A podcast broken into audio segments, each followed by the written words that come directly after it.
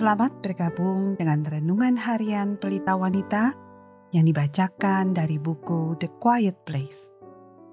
Pembacaan Alkitab hari ini diambil dari Yesaya 9 ayat 1 sampai 6. Tetapi tidak selamanya akan ada kesuraman untuk negeri yang terimpit itu. Kalau dahulu Tuhan merendahkan tanah Zebulon dan tanah Naftali, maka di kemudian hari ia akan memuliakan jalan ke laut, daerah seberang sungai Yordan, wilayah bangsa-bangsa lain. Bangsa yang berjalan di dalam kegelapan telah melihat terang yang besar. Mereka yang diam di negeri kekelaman, atasnya terang telah bersinar. Engkau telah menimbulkan banyak sorak-sorak dan sukacita yang besar. Mereka telah bersukacita di hadapanmu, seperti sukacita di waktu panen, seperti orang bersorak-sorak di waktu membagi-bagi jarahan.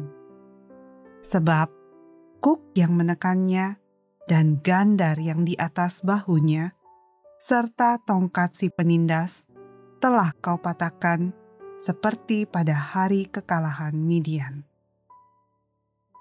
Sebab setiap sepatu tentara yang berderap-derap dan setiap jubah yang berlumuran darah akan menjadi umpan api. Sebab seorang anak telah lahir untuk kita, seorang putra telah diberikan untuk kita lambang pemerintahannya ada di atas bahunya, dan namanya disebutkan orang penasehat ajaib, Allah yang perkasa, Bapa yang kekal, Raja damai.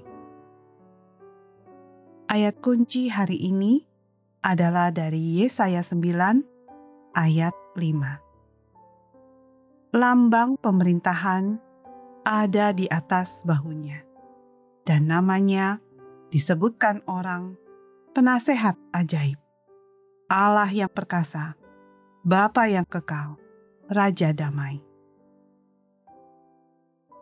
Damai sejahtera dalam hidup ini.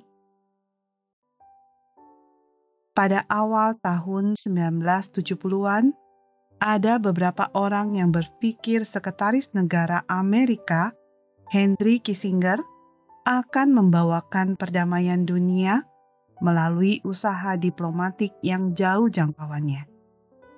Setelah itu, pada tahun 1977, Ted Turner, seorang yang sangat penting dalam industri media, menyatakan niatnya untuk memberikan satu miliar dolar untuk mendukung pekerjaan bagi perdamaian dunia melalui Perserikatan Bangsa-Bangsa.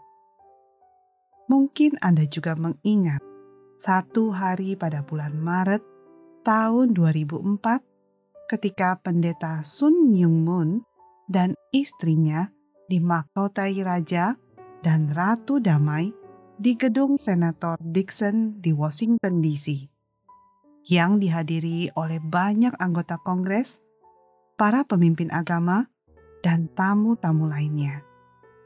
Tentu, keinginan untuk adanya kedamaian adalah hal yang bersifat universal. Walaupun sumber damai satu-satunya tidak dicari atau dimengerti secara universal. Jika manusia betul-betul mengenal Raja Damai, Sang Shalom ini, pemerintah yang sesungguhnya atau penguasa damai, mereka pasti sudah memiliki hubungan yang telah dipulihkan dengan Allah. Satu-satunya obat bagi hati dan jiwa kita yang sakit karena dosa. Bahkan mereka juga dimampukan untuk dapat memberikan pengampunan di dalam relasi mereka yang rusak, memberikan bahan utama yang bisa menghentikan segala bentuk pertentangan mereka akan dipastikan melalui kasih karunia penebusan dari Allah, diberikan hak istimewa, dan hadir pada saat damai akhirnya turun kembali ke bumi. Dan ketika Kristus yang bertata sebagai raja yang saat ini sudah bertata dan akan pada suatu hari nanti dinyatakan sekali lagi sebagai raja. Bayangkan, hari itu pasti akan tiba. Damai sejati di dalam hidup kekekalan kita, tetapi hanya melalui Sang Raja Damai. Sebagai penutup, mari kita renungkan pertanyaan ini.